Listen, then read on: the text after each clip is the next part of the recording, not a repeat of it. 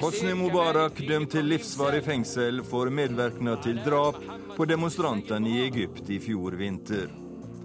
Massakrene i Syria kan bety et vendepunkt i politikken til stormaktene. This puts ups the pressure on the international community to uh, put in, particularly in the Security Council. Rådgiver for Sudans krigsforbryterettersøkte president på Norges besøk, men er taus om Sudan. Ukraina i store PR-vansker framfor åpning av fotball-VM. Nå er det fotballfascistene som kan ødelegge. Like vanskelig for unge russere å få innpass på boligmarkedet som for unge nordmenn. Vi skal på gatefest for dronninga i London, og korrespondentbrevet tar oss til skyggene etter krigen i Libya.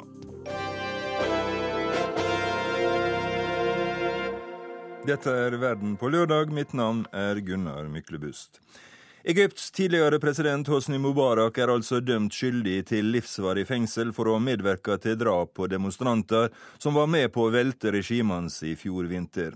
Sammen med den 84-årige ekspresidenten er også den tidligere innenriksministeren og flere av lederne dømt skyldige. Og Sigurd Falkenberg Mikkelsen i Kairo, dette var kanskje ikke uventa?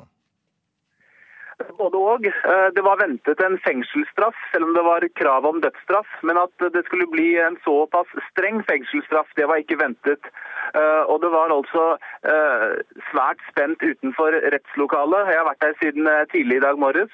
Jeg har snakket med veldig mange av de etterlatte etter revolusjonen. Det er stort sett familier til folk som har mistet særlig da sønner under revolusjonen, som har møtt opp her for å legge press og for å sørge for at de får rettferdighet. Eh, og da dommen ble lest opp, så var det helt stille på plassen eh, foran, eh, foran rettslokalet. Så hørte vi navnet til Hosni Mubarak bli lest opp. Og idet de hørte at det ble da 25 års fengsel eller livstid, så brøt et ville jubelscene løs foran rettslokalet. Men var det vanskelig for dommerne kanskje å gi han dødsstraff? Ja, jeg tror det vil nok bli oppfattet som eh, for strengt av nesten de, av det brede lag i, uh, i, Egypt. Det kan bli interessant å se hvordan Mubarak-tilhengerne reagerer på denne straffen. Uh, det, det, var en, uh, en, dommer som var meget direkte og la veldig mye skyld på Mubarak. og Det tror jeg var etterlengtet for særlig mange av de revolusjonære som har hatt svært mange tilbakeslag det siste halvannet året. Det at nå ansvaret ble lagt så tydelig på hans skuldre. Så En av de jeg snakket med, som da ønsket dødsstraff i utgangspunktet, sa at 25 eh, år det var han eh, veldig fornøyd med. Eh, men at han var også litt urolig for hvordan straffen skulle fungere i praksis, og hva som kom til å skje hvis f.eks. Ahmed Shafiq blir ny president i Egypt. Ville Egypt kunne levd med noe annet enn en fellende dom? Det tror jeg ville blitt uh, veldig vanskelig. Uh, men Egypt har vært gjennom veldig mange vriene øyeblikk, og det har vært en lang periode for de revolusjonære her. men jeg tror at den allmenne rettferdighetsoppfatning krevde en eller annen form for, en form for dom. Men så ble den da mye strengere enn de fleste kanskje hadde håpet å tro på. Og 25 år i fengsel det er en tung dom. og I tillegg da til at dommen var så tydelig. Sånn at uh, Her så var det en, uh, en mann som uh, virkelig gråt av glede og omfavnet alle hans, og inkludert denne reporteren. Sånn at Det er veldig mye følelser i sving, og også vært tendenser til litt opptøyer her utenfor rettslokalet, men det har roet seg nå. Vil, dommen, vil denne dommen Sigurd Falkenberg Mikkelsen, ganske kort, vil den få noe å si for presidentvalget? Det, jeg tror det er, det er, viktig. Er mange jeg snakket med sa at, at de leser dette inn i presidentvalgkampen, eh, der da en tidligere general og Hosni Mubaraks tidligere statsminister står mot en av brorskapet, mot brorskapets kandidat Mohammed Morsi. Og Det gjør i hvert fall at det er mulig kanskje å få en, få en litt bedre valgkampdebatt enn det, hadde, det som hadde vært hvis det ikke skulle bli noen dom i det hele tatt. Takk til vår Kairo-korrespondent, vi skal fortsette i Midtøsten, nå Syria, der de nyeste massakrene har rysta og skapt avsky over hele verden. Til og med Syrias mangeårige venn, Irans president Ahmadinejad, er opprørt, og den diplomatiske utvekslinga mellom øst og vest er hektisk, men stadig resultatløs. Menneskerettighetsorganisasjonen Human Rights Watch, som prøver å overvåke situasjonen, håper at massakrene blir et vendepunkt.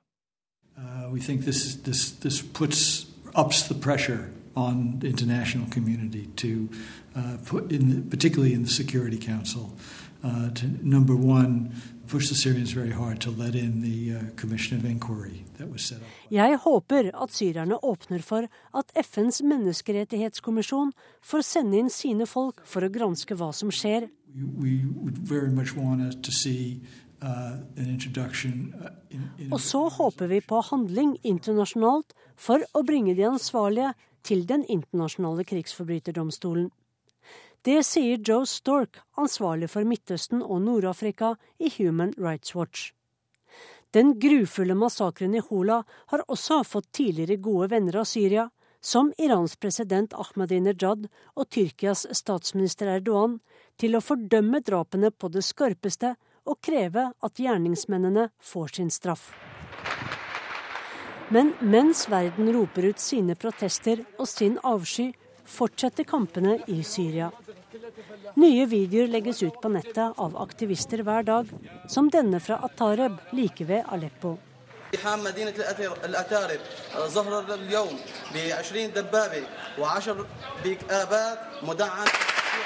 Regimets hær forsøkte å komme inn i byen med 20 stridsvogner og ti lastebiler med Shabiha Milits og flere busser av folk som planla å brenne ned Atarab fordi innbyggerne her krever et fritt Syria.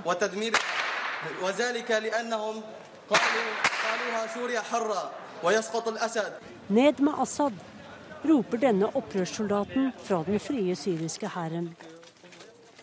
Pressen får ikke jobbe fritt i Syria, og må derfor støtte seg på slike amatørvideoer fra internett. Organisasjonen Human Rights Watch forsøker så godt den kan å få opplysninger om menneskerettighetsbrudd i landet. Deres egne folk får ikke reise inn, men den New York-baserte organisasjonen har knyttet til seg mange lokale medarbeidere.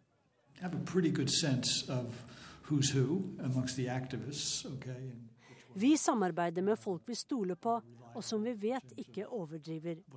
Vi jobber som journalister gjør, samler inn informasjon og forsøker å verifisere den, forklarer Stork.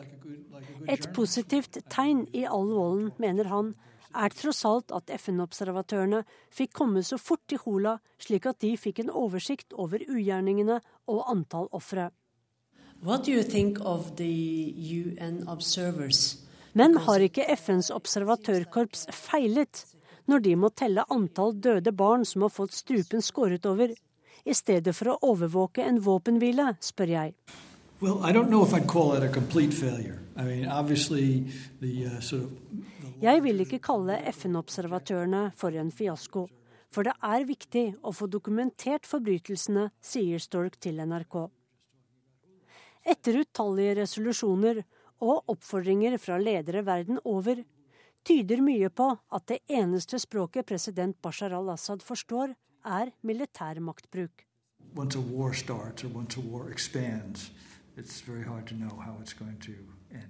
Joe Stork er usikker på hva som kan komme ut av en militær intervensjon. Han er derimot mer opptatt av at russerne må innse at tiden for støtte til Assad-regimet er over og at Russland må stille seg sammen med de andre landene i FNs sikkerhetsråd og støtte tøffere sanksjoner. I don't think it's economic interest in the sense that they're making a lot of money from it, but it's, uh, you know, it's a, they've made an investment, a political investment, uh, and uh, to some extent a strategic investment, and they don't want to lose that. Jeg tror ikke russerne tjener så mye penger på våpenhandelen med Syria. Men de har investert politisk i sitt forhold til syrerne. Og til nå har de ment at president Assad vil overleve dette, sier Joe Stork. Men for russerne er det vel et prestisjetap å snu. Right, which is why it's uh, so important to be documenting uh, what their allies are, are up to. and just you know increase the pressure, increase the shame. They're they're obviously very hard to move. They don't want to move, uh, but that's not to say they can't be moved. Det er tungt å påvirke russerne, men det betyr ikke at de ikke kan beveges, mener Joe Stork fra Human Rights Watch. Reporter Sissel Wold.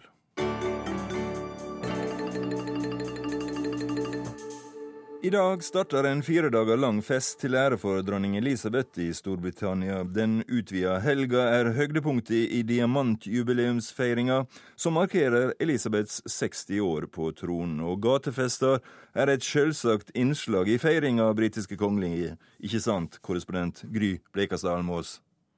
Gatefestene er eh, selvskrevne når britene feirer sine kongelige, og det blir sagt at denne helgen holdes eh, dobbelt så mange gatefester rundt om i Storbritannia som under prins Williams eh, bryllup for ett år siden. Arrangørene har tatt mål av seg å holde verdens største piknik med alle disse gatefestene. Og jeg står nå eh, midt oppe i forberedelsene til en av disse festene. I et stille boligstrøk eh, litt utenfor sentrum av London. Her er det kirken som arrangerer gratis grillfest. Det skal være hoppeslott og en rekke aktiviteter for ungene. Det skal være konserter med jazz og rock, og det skal være zumbatrening, og det er ikke måten på. Og her er jo eh, gaten nå dekorert med ballonger i rødt, hvitt og blått. Store bannere. Mange av privatboligene familiene har flagg eh, utenfor. Eh, scenen er nå i ferd med å settes opp rett utenfor kirken, og de diskuterer nå hvordan de skal sette bordene og stolene utover gaten her, som stenges selvfølgelig for anledningen. Eh, jeg har med meg presten her, Martin Auborn. Why is the church doing all of this for the Queen's celebration? Well, I think for two reasons, really. First of all, because we love the Queen. And we really want to thank God for our wonderful Queen. So that's the first thing, really. And secondly, because it's a wonderful opportunity for us to get out and to meet some. Uh, people we don't know in our local community to make some new friends, really. So we're seizing that opportunity as well. Uh, is that um, meeting neighbours um, the main purpose of the whole Jubilee, you think? Well, Jesus tells us to love each other, and that really is the first and foremost uh, commandment that we're given to love God, to love our neighbour, and uh, and this is a wonderful opportunity to do that.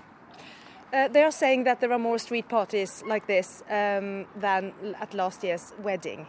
Uh, what do you think that says about the Queen's popularity? Yeah, I think that uh, she has a very special place in all our hearts. We really love the Queen she's uh, well, she's just been with us for such a long time. For most of us, you know, she was on the throne before we were born, and uh, so. Uh, it's just an amazing thing, and she's just given so much dedicated service in a, in a rather understated way, and we're really impressed by her. So there's just an enormous fondness for her. Ja, Martine Aaborn sier altså at de er så glad i dronningen. Hun har vært eh, til stede for dem da eh, siden før eh, veldig mange, henne inkludert, var født. Så hun har en stor betydning eh, for eh, britene. Og Nylig viste en meningsmåling at dronning Elisabeth er mer populær enn noen gang. 69% svarte at Storbritannia blir verre uten monarkiet, mens bare 22% mener landet ville vært tjent med å kvitte seg med dronningen. Og I dag åpner altså denne fire dager lange festen til ære for damen, som har vært dronning i eh, hele 60 år. Og Bare én gang før har britene feiret diamantjubileum. Eh, den gang var det til ære for dronning Victoria. I morgen kommer eh, ja, det som omtales som selve kronjuvelen i denne utvidede feiringen, når 1000 båter inntar Themsen og skal paradere nedover elven gjennom London sentrum med dronning, dronning Elisabeth selv i sin spesialbygde kongelige pram. Det er eh, grått i dag, det er vått på bakken, for det har starta med regn. Eh, nå skal jeg spørre Martine Aaborn om hun er bekymret for været. Are you worried about the weather? Not at all, really. Uh, it's going to be an absolutely wonderful day, whatever happens with the weather. Of course, it would be, um, we, we'd appreciate uh, it cheering up a little bit, but it's dry at the moment and we're just going to have an amazing time. The, the, the, British are very good at that, about just getting on with things. We're used to the weather, sort of not being able to rely on the weather, so we, we, we, we're going to have a, a brilliant time, whatever, the weather. Hun sier at britene er vant til å håndtere all slags vær, så dette blir en storstilt feiring uansett, Gunnar, her i Storbritannia.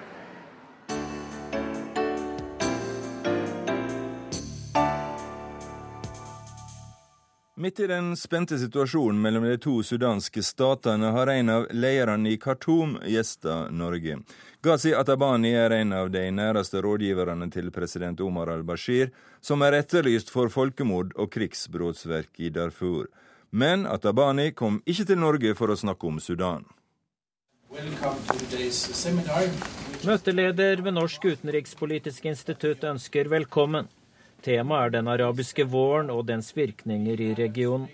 Mange frammøtte så fram til at endelig skal en høytstående politiker fra Sudan lette på sløret. Men mange ble skuffet. Den politiske rådgiveren til Sudans omstridte president Omar al-Bashir holdt kortene tett til brystet. Ghazi Salahuddin Atabani snakket villig vekk om Tunisia og Egypt, men unngikk så godt han kunne å komme med innrømmelser om sitt eget land. I, I think Tunisia and Egypt are the true Arab Spring countries. Tunisia og Egypt er de ektefødte barn av den arabiske våren, sa mannen som har en imponerende CV fra Sudans regjering. Han har vært informasjonsminister og innenriksminister og leder av regjeringspartiet. Han har vært med helt siden militærkuppet i 1989, da nåværende president Omar al-Bashir kom til makten. Presidenten, som er etterlyst av den internasjonale straffedomstolen i Haag for folkemord i Darfur. Atabani ville ikke la seg intervjue av pressen og gikk i forsvarsposisjon da han ble minnet om at regjeringen kom til makten gjennom et militærkupp. Well, uh, the, the guy produced the, the, the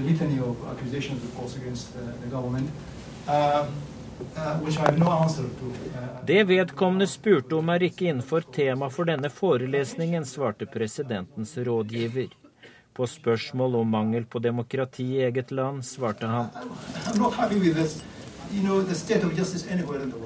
Jeg er ikke fornøyd med menneskerettssituasjonen noe sted i verden. Er f.eks. FN og Sikkerhetsrådet en demokratisk institusjon, svarte han retorisk. Is the, is the United Nations a, a democratic institution? Is the Security Council democratic institutions? Selv USA er ikke demokratisk. Spør bare Occupy Wall Street-bevegelsen, fortsatt Atabani.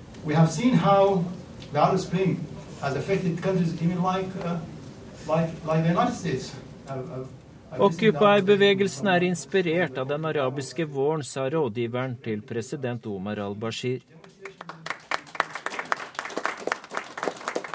Litt høflig applaus ble det på mannen som norske myndigheter og forskere mener det går an å høre på, selv om sjefen hans har en arrestordre hengende over hodet. Men frammøtte sudanere applauderte ikke. Da mannen forlot lokalet, aksjonerte de. Et titall sudanere la plakater med bilde av Atabani på gulvet, der mannen måtte gå forbi på vei til heisen. Med store bokstaver sto det 'Killer' over portrettbildene av ham. Sudanere fra organisasjonen Darfur Association Union in Oslo mener foreleseren er direkte ansvarlig for 3100 drap, bl.a. i Darfur. He responsible of kills of uh, 3100 person in uh, Darfur og indirekte ansvarlig for at mange flere sivile er døde fordi han er en sentral mann i regjeringen i Khartoum.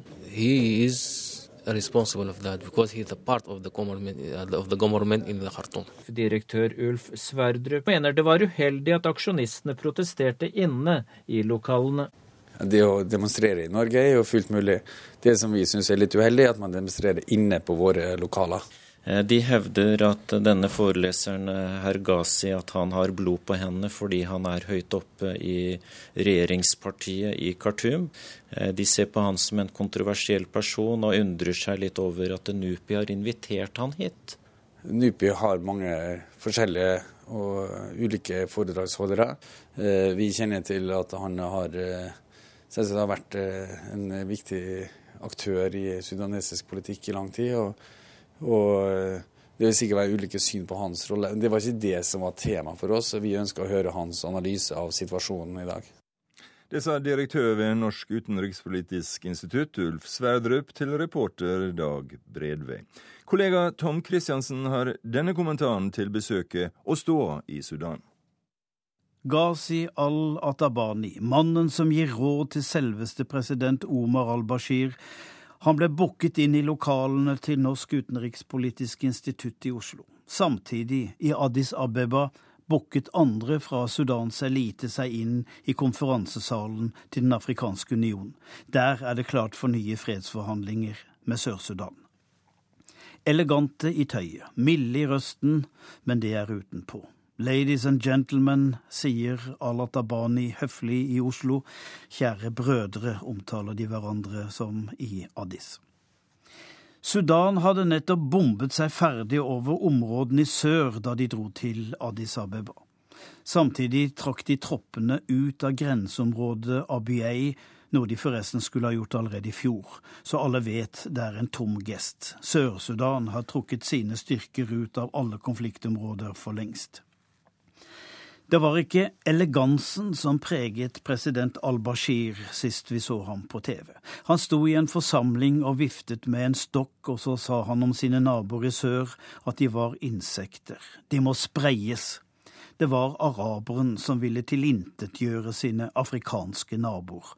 En journalist skrev at det var meningsløst snakk. Han ble tatt inn av politiet og måtte sitte på en stol i 14 dager. Hvorfor alle disse brutale rariteter? Fordi Sudan er i krise og dyp splittelse. Ja, det går et skisma langt inn i regjeringspartiet. Nå er det de militære som har overtaket, og al-Bashir, tidligere oberst og fallskjermjeger, støtter seg på dem. Det har han ikke gjort de siste årene, han har vært en fredsspiller i perioder. Men det finnes pragmatikere som mener at andre enn militære må involveres for å få til en fredelig sameksistens. Og en av dem er denne mannen som besøkte Oslo, al-Atabani.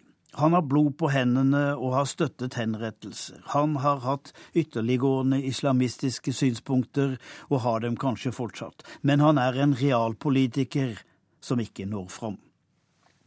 Da sør og nord skilte lag i juni i fjor, ble tre av fire oljefat liggende igjen sør for grensa. Det har gitt nord en økonomisk krise. De har annet å stri med også. De finner ikke løsninger i Darfur, ei heller i Nubafjellene, Abyei, Blue Nile eller nå sist i Heglig. Innad slites partiet med rivaliseringer og splittelse og maktkamp. Nå bruker de en gammel oppskrift Finn en ytre felles fiende, og ingen passer bedre til det enn Sør-Sudan. I Juba i sør sitter en annen mann fra det militære, Salwa Kiir. Han var geriljahærens etterretningsoffiser og motstandsbevegelsens nestleder. Han har snakket fredens sak i de seks år som er gått siden fredsavtalen. Men brutaliteten fra nord har fått ham til å trekke fram gamle militære spøkelser. Og det gikk helt galt. Han sendte soldatene sine inn i Heglig, et område som er omstridt med uklare grenser, og som det internasjonale samfunn sier tilhører nord. Det ga al-Bashir en slags rett til å bombe i sør, bortsett fra at dem han traff, var sivile. Heglig er historien om to militære ledere, den ene diktator, den andre frihetskjemper, som velger de metoder de kan best når det røyner på. De kan de militære grep, de er mer usikre på effekten av demokratiske og diplomatiske erfaringer, de har ingen lang erfaring. Men nå er det klart for fredsforhandlinger. Noen løsning tror ingen på, men ett håp er allerede innfridd, at de sitter ved samme bord. Da blir det iallfall ikke krig. Og det ville det forresten heller aldri blitt. Regntida kommer, og da kan man ikke krige i Sudan. Jeg traff jevnlig al-Bashir da jeg jobbet som rådgiver for presidenten i sør. Han var en vennlig mann, en slags bestefarskikkelse og utsøkt høflig. Han snakket om Salwa Kiir, som han hadde vært i krig med i 20 år, som min bror. Vi skal alltid finne en løsning. Og de fant løsningene. De to, Omar og Salwa, satt ofte og diskuterte felles problemer, som å holde orden i partiet og i hæren. Men de må ha mistet mobilnummeret til hverandre. Det er ikke mye igjen av den gode sudanske forbrødringen.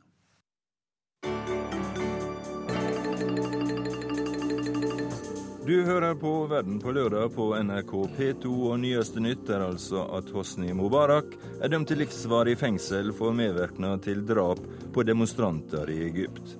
I programmet vårt videre skal vi snakke om Østersjøsamarbeid og russisk økonomi, og at ikke alle ser fram til fotball-EM, og korrespondentbrevet kommer fra Libya.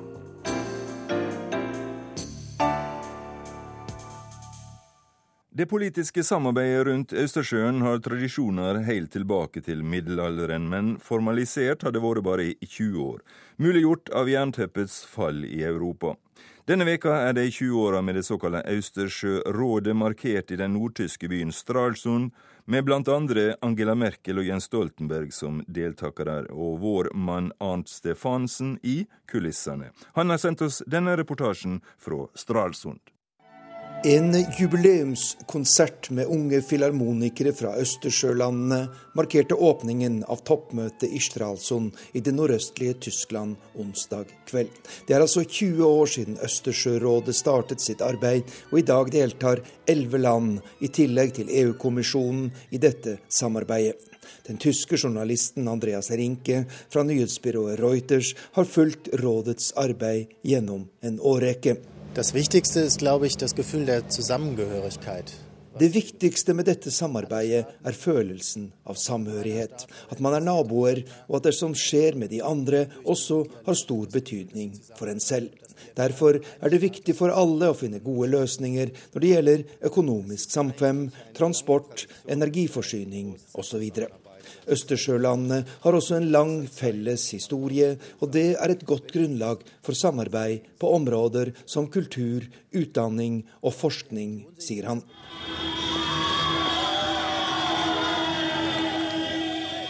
Det var Berlinmurens og jernteppets fall i 1989 som skapte grunnlaget for samarbeidet. Under den kalde krigen levde menneskene rundt Østersjøen i ulike verdener, skilt fra hverandre av ideologiske, politiske og militære fiendebilder. Den tyske forbundskansleren Angela Merkel, som selv er oppvokst i det kommunistiske DDR, ga et følelsesladet tilbakeblikk på Østersjørådets 20-årige historie da hun åpnet toppmøtet i Stralsund nå på torsdag. Denn wenn wir uns zurückerinnern, dann war der eiserne Vorhang 1992 gerade erst gefallen.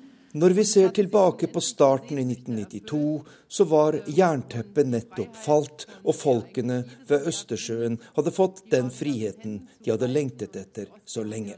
En frihet som ethvert havområde symboliserer. Men denne friheten betyr også et stort ansvar, og de åpne grensene byr på mange utfordringer. Blant dem menneskehandel og annen grenseoverskridende kriminalitet. Og slike utfordringer kan vi bare løse sammen, sa den tyske forbundskansleren. Rundt 200 fotografer og journalister fulgte toppmøtet, der de fem nordiske og de tre baltiske land deltok, i tillegg til Russland, Tyskland, Polen og EU-kommisjonen.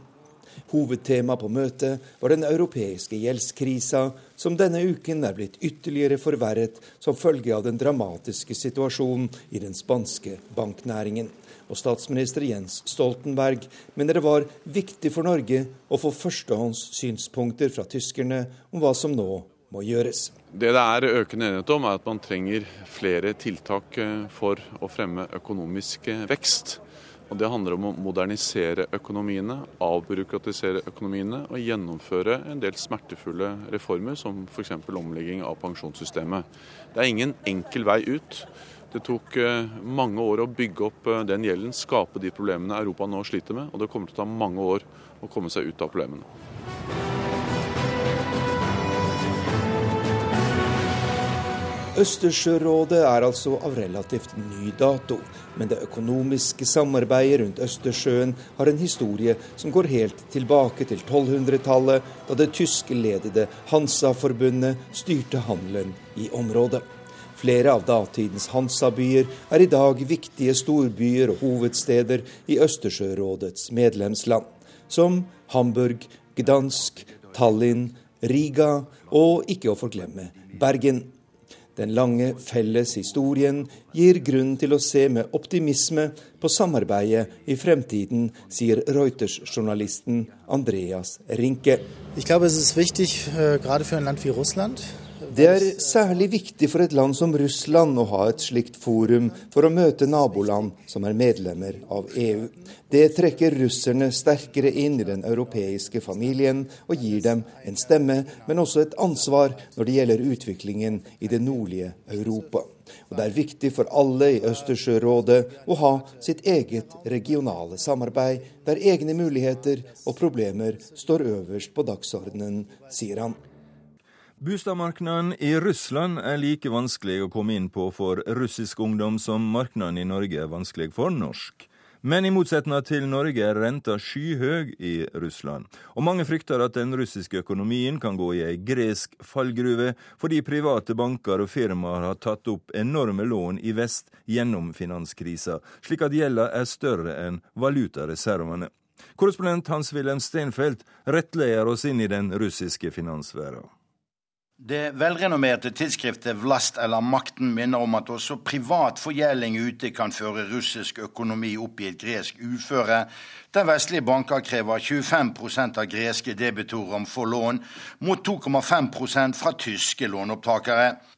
Det er russiske banker som først og fremst tar opp store lån i vest og låner ut til skyhøye renter hjemme, og dette pådrar samfunnet en utenlandsgjeld som gjør at per hode skylder russerne Vesten nå dobbelt så mye som i 2007. Det andre formålet for russisk opplåning i Vesten er rike russeres kjøp av fast eiendom i vest. Rektor på den russiske handelshøyskolen er professor Sergej Aleksasjenko. Nå slår han på stormklokkene. И бурный рост корпоративного внешнего долга всегда имеет одну и ту же судьбу. Он всегда заканчивается. В какой-то момент рынки перестают верить экономике, перестают давать деньги взаймы, и экономика рушится. Потому что ей нужно... Kriser kommer alltid uventet, og private forretningsmessige lån ender alltid med det samme hvis vi fortsetter som nå. Markedet mister tilliten til økonomien vår og slutter å låne penger til russiske låntakere. Da bryter økonomien sammen, sier rektor Aleksasjenka på Russlands handelshøyskole. Dette skjedde i Vesten, og nå vil det skje i Russland, spår professoren. Russland har en veldig ensidig økonomi med vekt på råvareeksport, sier president Vladimir Putin. Sergej Aleksasjenko kritiserer nå russiske myndigheter for metoden de har valgt for å vitalisere og differensiere russisk økonomi.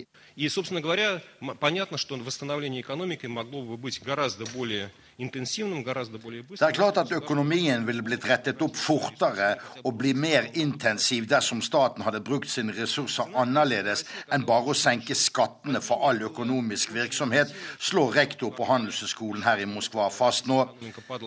Med 13% skatt i Russland for personlige skattytere sier statsminister Dmitrij Medvedev at pensjonsbomben nå er statsbudsjettets mest utsatte del fremover. Russisk økonomi er bloddopet på vestlige lån, og rektor Aleksasjenko sier det slik.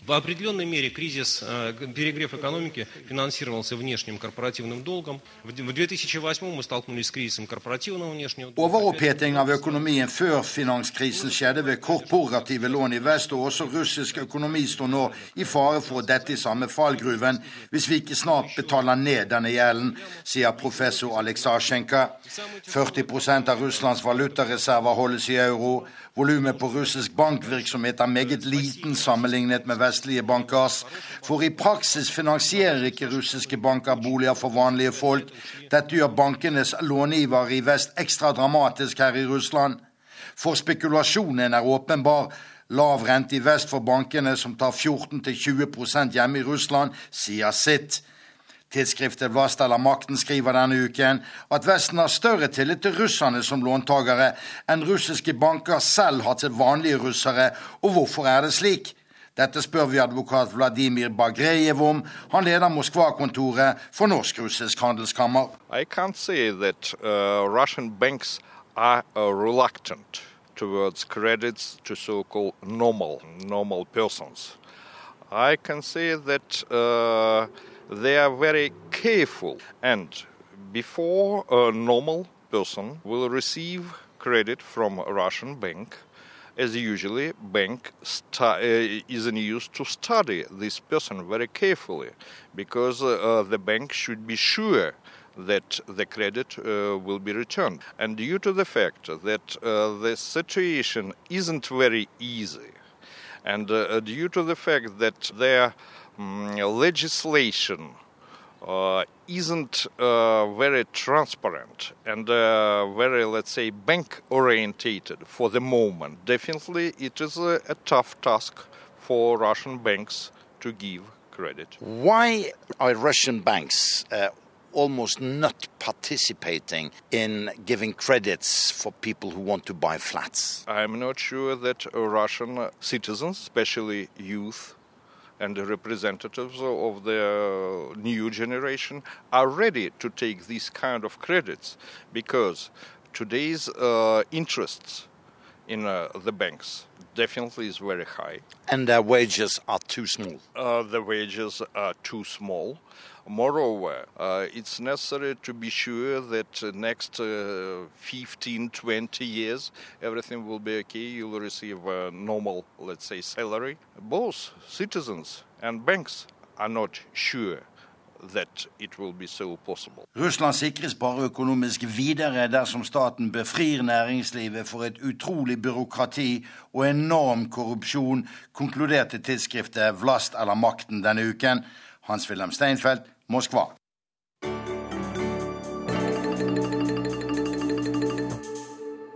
Om ei uke er det avspark for fotball-EM. Rent teknisk synes de to vertslandene Ukraina og Polen å ha det meste på stell, men mye av det økende medieoppstyret skulle det ganske sikkert vært foruten. Ukraina har lenge slitt med oppmerksomheten rundt den fengsla opposisjonslederen Julia Timosjenko, og de siste dagene har begge landene måttet bruke krefter på å forsvare seg mot ferske skullinger om rasisme. Den svarte engelske, tidligere landslagsspilleren Sol Campbell har på BBC bedt fotballtilhengerne om å holde seg hjemme. Stay at home, watch it on TV. Don't even risk it, because you can end up, you know, you're coming back in a coffin. De siste par åra har Ukraina brukt 90 milliarder kroner på fotball-EM. Det er bygd to nye gigantiske stadion, fire nye flyplasser og satsa kraftig på høgfartstog. Det er i Ukrainas hovedstad Kiev selve EM-finalen skal spilles søndag 1. juli. Det europeiske fotballforbundet valgte Ukraina og Polen som vertsland nettopp for at de skulle få vise at de har kasta av seg den mørke arven fra sovjettida få rive ned fasttømra fordommer og demonstrere at de er blitt moderne aktører i det internasjonale samfunnet, for Ukraina også vise seg verdig som framtidig medlemsland i EU. Men nå er Euro 2012, som fotball-EM offisielt er kalla, i ferd med å utvikle seg til en PR-katastrofe for Ukraina, slik den britiske avisa The Guardian omtaler det. Og det er rasismen som nå skremmer vekk folk. I am concerned that they will be targeted by, by racists and fascists and, and anti-Semites in, in Poland and in Ukraine. For noen dager siden sendte BBC en dokumentar som skal vise at rasisme, rasistisk vold, nazidyrking og jødehat fremdeles lever sterkt i både Polen og Ukraina, i sterk motsetning til den utviklinga styremakten i de to landene har ment å kunne dokumentere.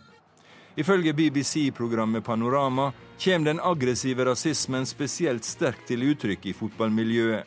Og det britiske TV-laget viser ei rekke scener fra fotballkamper de siste månedene, både i Polen og i Ukraina, der fotballtilhengerne utstyrte med klassiske symbol for kvitt overherredømme og nazisme, i store, samla flokker viser Hitler-hilsener og håner svarte spillere med apelyder.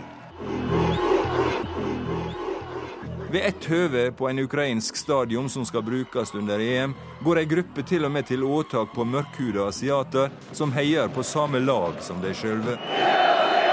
Dette er bare den siste av mange motbakker for Ukraina etter hvert som turneringa har nærma seg. Uefa, det europeiske fotballforbundet, har klaga på hotellmangel og prisnivå under EM. Uefa-president Michel Platini snakker om kjeltringer og banditter og kriminell virksomhet.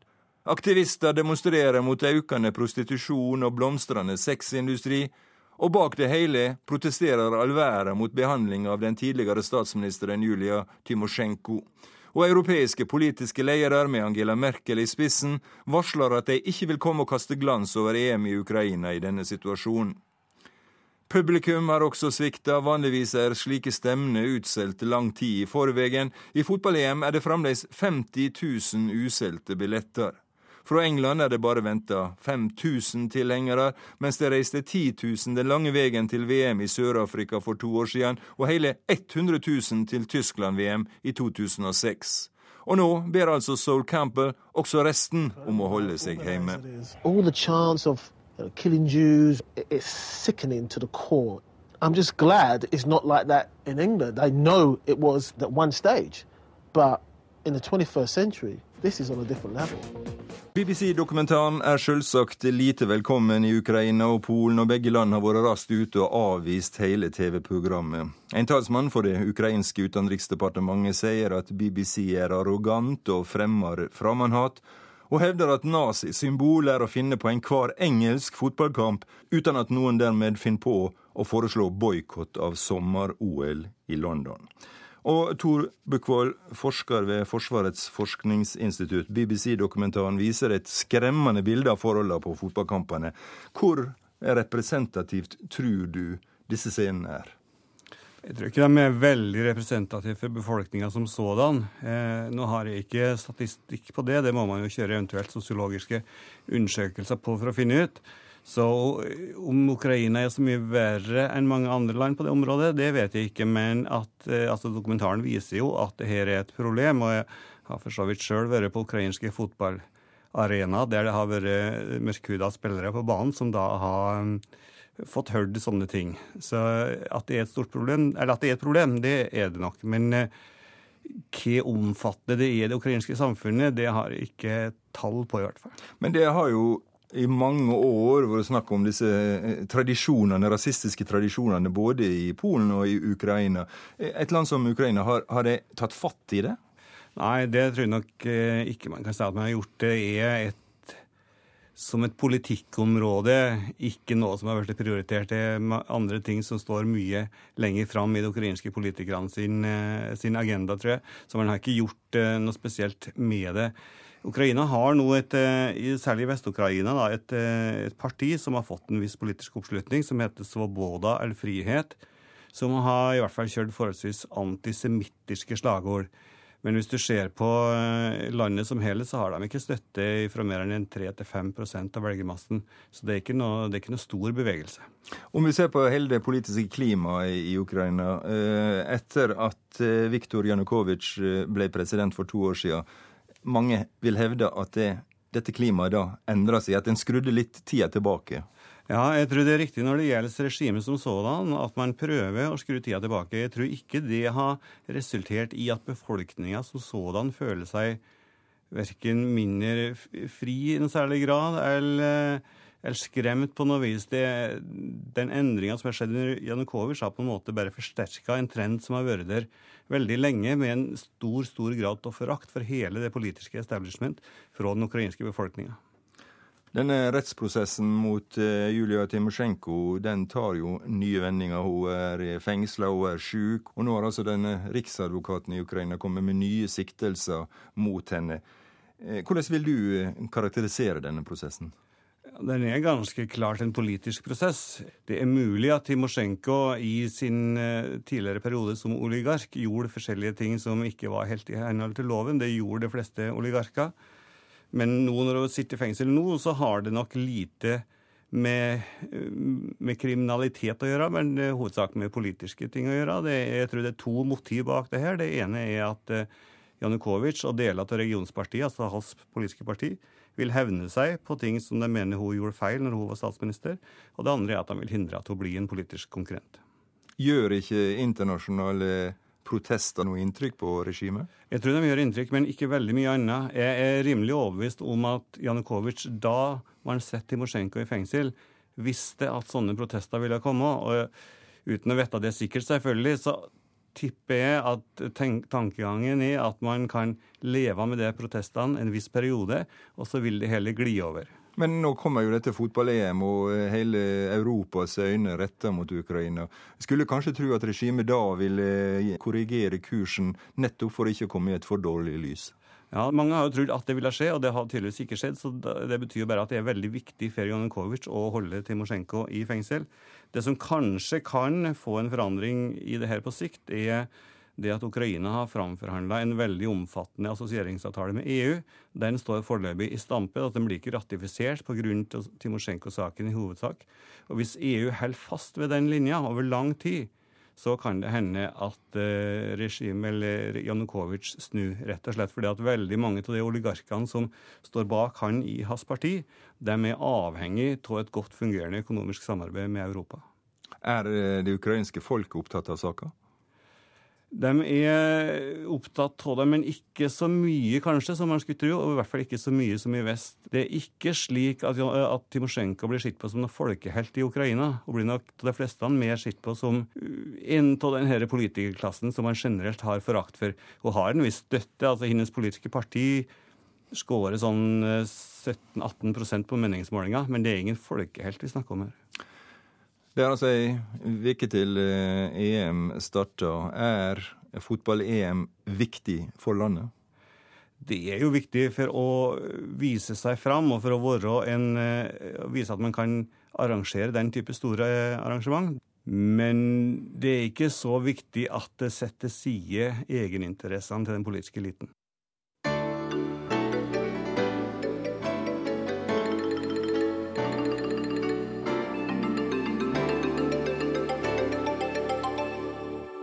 Nå korrespondentbrevet som denne veka kommer fra Midtøsten, der Sigurd Falkenberg Mikkelsen besøker en glemt del av krigen i Libya. Dette er stedet for Majer-massakren. Skiltet sto i veikanten oppå en nygravd jordhaug. Bokstavene var arabiske, sorte.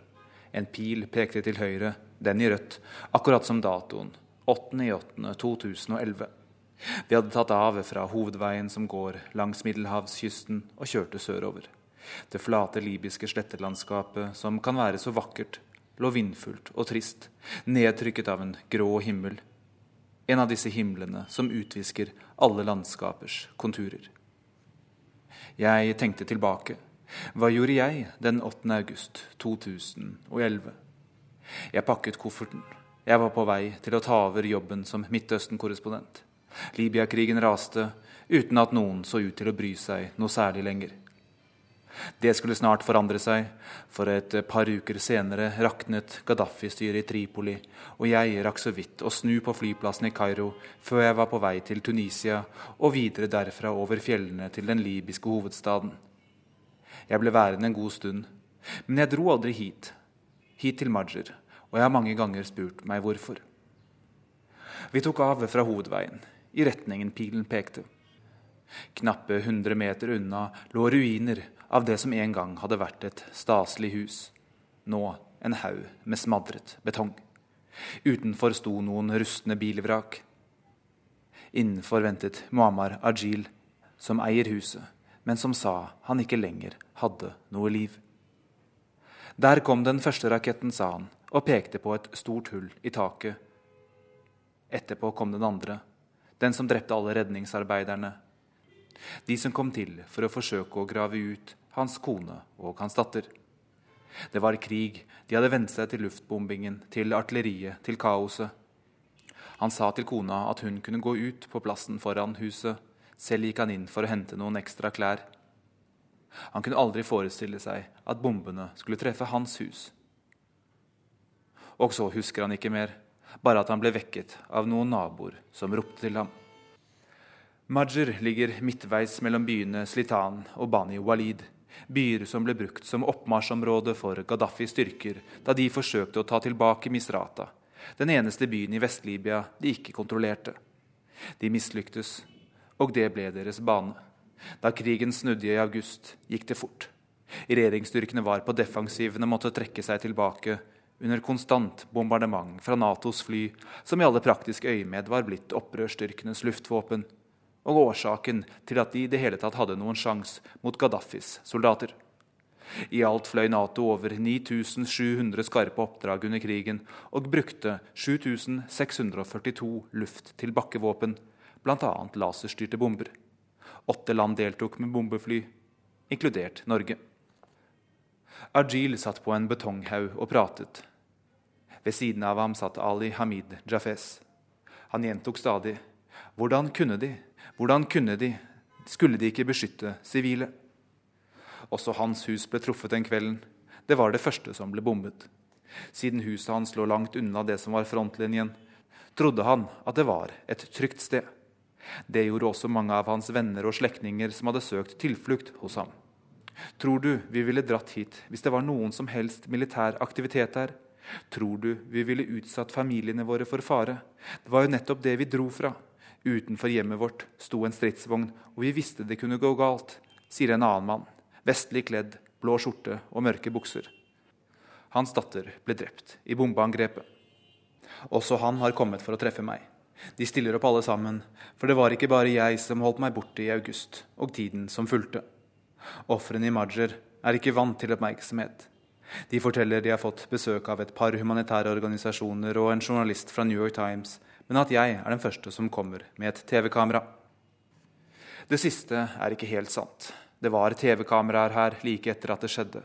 TV-kameraer og talsmann for Gaddafis regime som påsto at Nato hadde tatt livet av 85 mennesker. Det viste seg å være overdrevet, og nettopp regimets hang til å manipulere og forsøke å lure media med scener og påstander om sivile tap er en av grunnene til at jeg holdt meg borte. En annen er at det tross alt var små sivile tap fra flybombing sammenlignet med omfanget og konsekvensene av krigen. I august var den heller ennå ikke over. Gaddafi hadde trukket seg tilbake. Kampene fortsatte mens folkemassen i Tripoli jublet på det som inntil da het Den grønne plass, men som raskt tok tilbake sitt gamle navn, Martyrplassen. Verdens mest ikoniske diktator holdt på å falle. Folk ristet av seg et 40 år langt brutalt politiregime. Hva ville framtiden bringe? Hvordan var livet under Gaddafi? For første gang på én generasjon kunne journalister snakke fritt med mennesker i Tripoli. Hvordan skal de nye myndighetene styre landet? Hva med alle de bevæpnede militsene?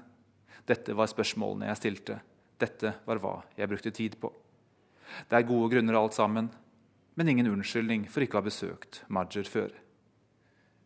I det eneste rommet som fortsatt er brukelig i huset til Jafes, har de laget et slags museum, et minnested for de drepte. Det er bilder på veggene. Mange av dem var kvinner og barn, mens mange av redningsarbeiderne var menn i 20- og 30-årene. De har en TV-skjerm, de har grusomme bilder av lemlestede lik og skadde, noen rester fra dagliglivet, som en ødelagt sykkel med bøyd forhjul og knekt sete, samt noe støvete kjøkkenutstyr, et par porselenskopper bl.a. På veggene har de også hengt opp det de har fått av oppmerksomhet i pressen. Det er ikke mye. Det er forbanna trist alt sammen, og aldri har det stått klarere for meg hvordan det fungerer når seierherrene skriver historien. Hva vet vi så om det som skjedde den 8. august 2011, annet enn det ofrene forteller? Både FNs menneskerettighetsorganisasjon og Human Rights Watch har forsøkt å få svar fra Nato. Da FN tok kontakt i januar, fikk de beskjed om at Nato fortsatt undersøkte hva som skjedde, men at de hadde bombet en militær leir, og at ikke hadde vært sivile i nærheten da de bombet. Da Human Rights Watch tok kontakt i april, fikk de beskjed om at de var ferdige med undersøkelsene, og at de hadde konstatert at husene i Madger var legitime militære mål, uten at noen detaljer er offentliggjort om hvordan de kom fram til denne konklusjonen. Ingen av organisasjonene som har undersøkt stedet flere ganger, har funnet spor etter militær aktivitet. Og det at området var regimevennlig, som flere sa til meg underveis, er naturligvis ikke alene god nok grunn til å bombe. I Natos egen interne rapport om krigføringen i Libya nevnes heller ikke sivile tap. Denne manglende evnen til selvkritikk er alltid farlig for en organisasjon. Og enda mer når det er en militær organisasjon med den slagkraft som Nato har. Hvis ikke de lærer av hva de eventuelt gjorde feil, hvordan kan de i så fall forbedre sine evner til å hindre sivile tap neste gang de er i konflikt? Og ved å ikke snakke om det som faktisk gikk galt, underminerer de sine egne argumenter og faktisk innsats for kun å ramme militære mål. Det andre, som fra et politisk ståsted er vel så alvorlig, er at nasjonalstatene som deltok, ikke vil svare på henvendelsene fra FN og menneskerettighetsorganisasjonene, men viser videre til Nato, som igjen ikke vil uttale seg. Dermed oppstår en ansvarsfraskrivelse, og det svekker en av pilarene i det moderne europeiske demokratiet, nemlig sivil kontroll over militæret. Det er gode internpolitiske og storpolitiske grunner til at Nato ikke vil gå ut med detaljinformasjon. Hva hvis f.eks. det var danske piloter som bombet på grunnlag av feilaktig italiensk etterretning? Men igjen gode forklaringer er ingen unnskyldning. Utenfor huset til Muammar Ajil står de rustne bilvrakene, skoene til ofrene, gummisandaler for det meste, og en av naboene insisterer på å vise meg en grå, ullen masse på en lekablokk som de sier er håret og inntørket hjernemasse til en gammel mann som kom til for å hjelpe. Hadde det ikke vært for blomstene og buskene som gror inn i ruinene, kunne man forlede seg til å tro at angrepet nylig hadde skjedd. Ingenting er ryddet opp i, og midt oppi alt dette ligger et kompendium og blafrer, minner fra noe som må ha vært et studentliv det ligger oppslått på kapittel 11 og har tittelen 'Hemingways Obsession with Death and Violence'. Det er en kritisk gjennomgang av forfatterens verk.